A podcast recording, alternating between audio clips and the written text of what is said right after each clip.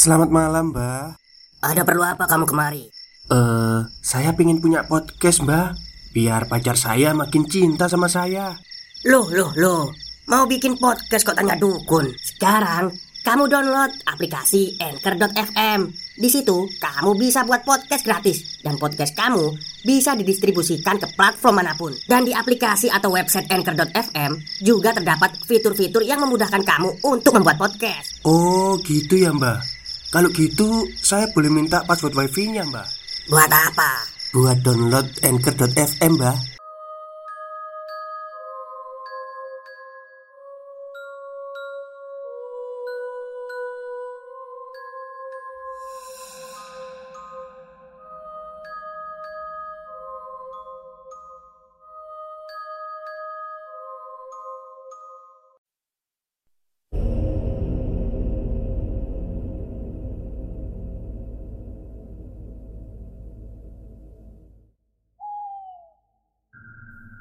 Assalamualaikum warahmatullahi wabarakatuh. Halo semuanya Jumpa lagi dengan saya Chow Sing Sing Kurator dari podcast Horror Night Story. Halo, apa kabar semuanya? Semoga kalian semua sehat-sehat ya. Seperti biasanya, pada siang hari ini Saya kembali dan akan menghadirkan sebuah kisah mistis untuk kalian semua Kisah mistis kali ini saya datangkan dari treat horornya Mas Agil Saputra Yang menceritakan pengalamannya Saat mengikuti pelatihan Di sebuah mes yang ada di luar kota. Oke Daripada kita berlama-lama Mari kita simak ceritanya. Kejadian ini saya alami sekitar enam bulan yang lalu saya bekerja di sebuah perusahaan di bidang keuangan. Waktu itu kebetulan saya mendapatkan promosi untuk kenaikan jabatan dengan syarat harus mengikuti pendidikan untuk pemantapan profesi di kantor cabang yang berada di luar kota.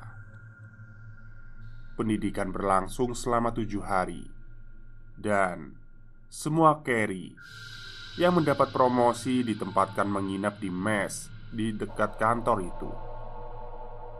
Hari pertama sampai ke enam semua berjalan normal. Setelah pelatihan jam 9 malam, seperti biasa, kita pulang dan tidur di mes. Dari semua carry yang ikut pelatihan, kebetulan cuma saya yang berasal dari luar kota Lainnya rata-rata berasal dari daerah dekat-dekat situ saja. Karena hari keenam adalah hari Jumat Semua peserta diperbolehkan pulang ke rumah Dan kembali lagi ke tempat pelatihan esok harinya. Semua pada pulang Tinggal saya Dan satpam yang ada di mes. Sebenarnya Pengen sih pulang Tapi tanggung Soalnya jauh. Takut paginya kesiangan di tempat pelatihan. Hari ke-6 Jam 9 mes sudah sepi.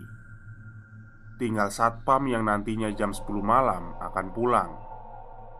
Saya pun sempat ngobrol sebentar.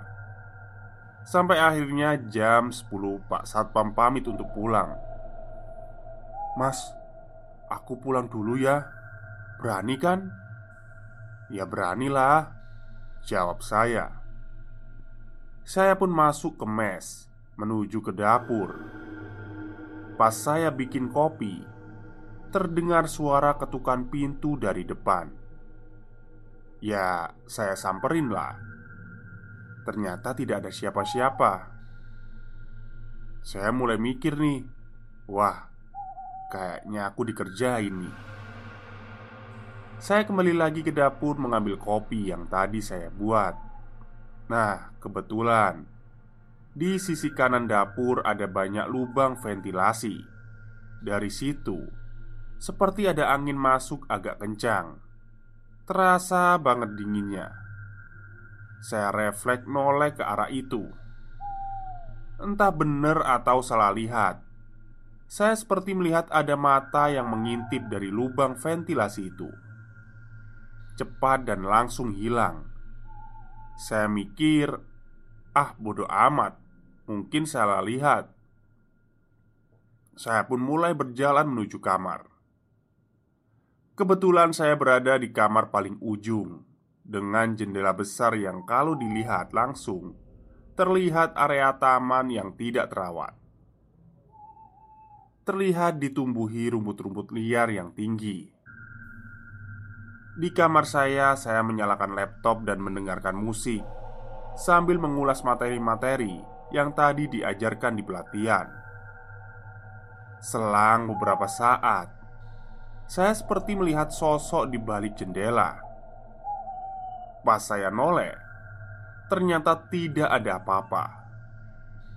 Masih biasa aja tuh Kemudian jendela saya tutup dan saya fokus ke laptop lagi Perasaan masih biasa-biasa aja tuh. Sampai akhirnya jam 12 Saya mulai ngantuk. Saya matiin laptop dan tidur. Beberapa saat saya terlelap. Saya terbangun karena angin yang dingin. Saya lihat Ternyata jendela sudah terbuka. Saya mikir, kan tadi sudah saya tutup. Saya pun bangun dan menutup jendela itu lagi. Saya tahu kalau ini bukanlah ulah manusia, tetapi saya belum terasa begitu takut. Akhirnya, saya tidur lagi dengan memunggungi jendela itu lagi. Stop, stop, kita break sebentar. Jadi gimana? Kalian pengen punya podcast seperti saya? Jangan pakai dukun Pakai Anchor. Download sekarang juga Gratis. Dalam keadaan setengah tidur Saya merubah posisi tidur Untuk menghadap ke arah jendela itu. Otomatis Mata saya sedikit terbuka. Dan di balik jendela itu saya melihat ada sebuah tangan yang mengetok-ngetok jendela. Saya perhatikan sosok itu semakin ke atas dan perlahan semakin memperlihatkan tubuhnya dengan posisi tangan menempel di kaca jendela. Sosok itu semakin berdiri seperti sosok wanita dan sepertinya sosok itu mulai ngelihatin saya Mukanya nggak jelas sih Tapi kelihatan bentuk tubuhnya. Otomatis saya nggak nyaman dong.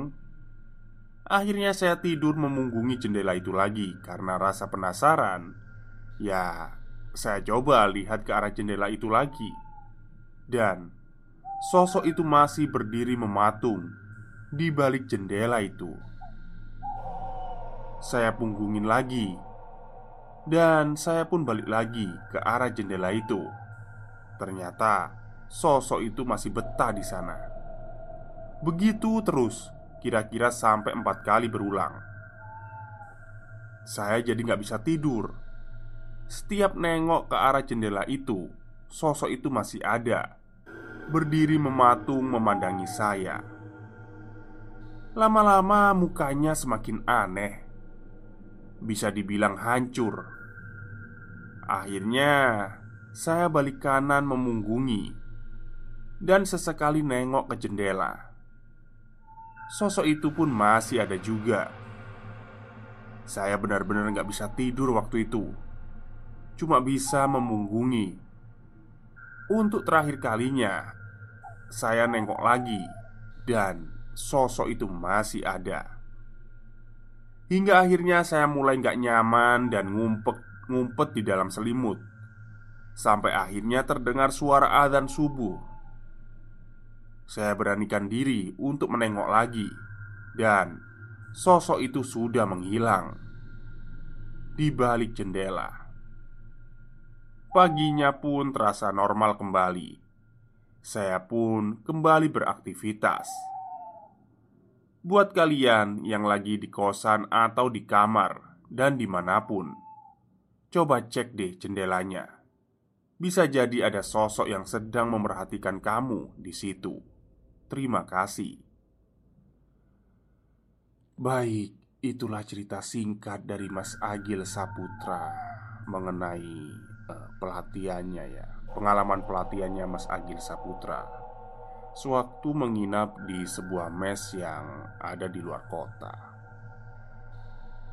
Jadi mengingatkan saya ini ya, ibu-ibu yang ada di pengabdi setan itu ya. Oke, mungkin itu saja cerita untuk siang hari ini. Semoga kalian suka. Selamat siang dan selamat beristirahat.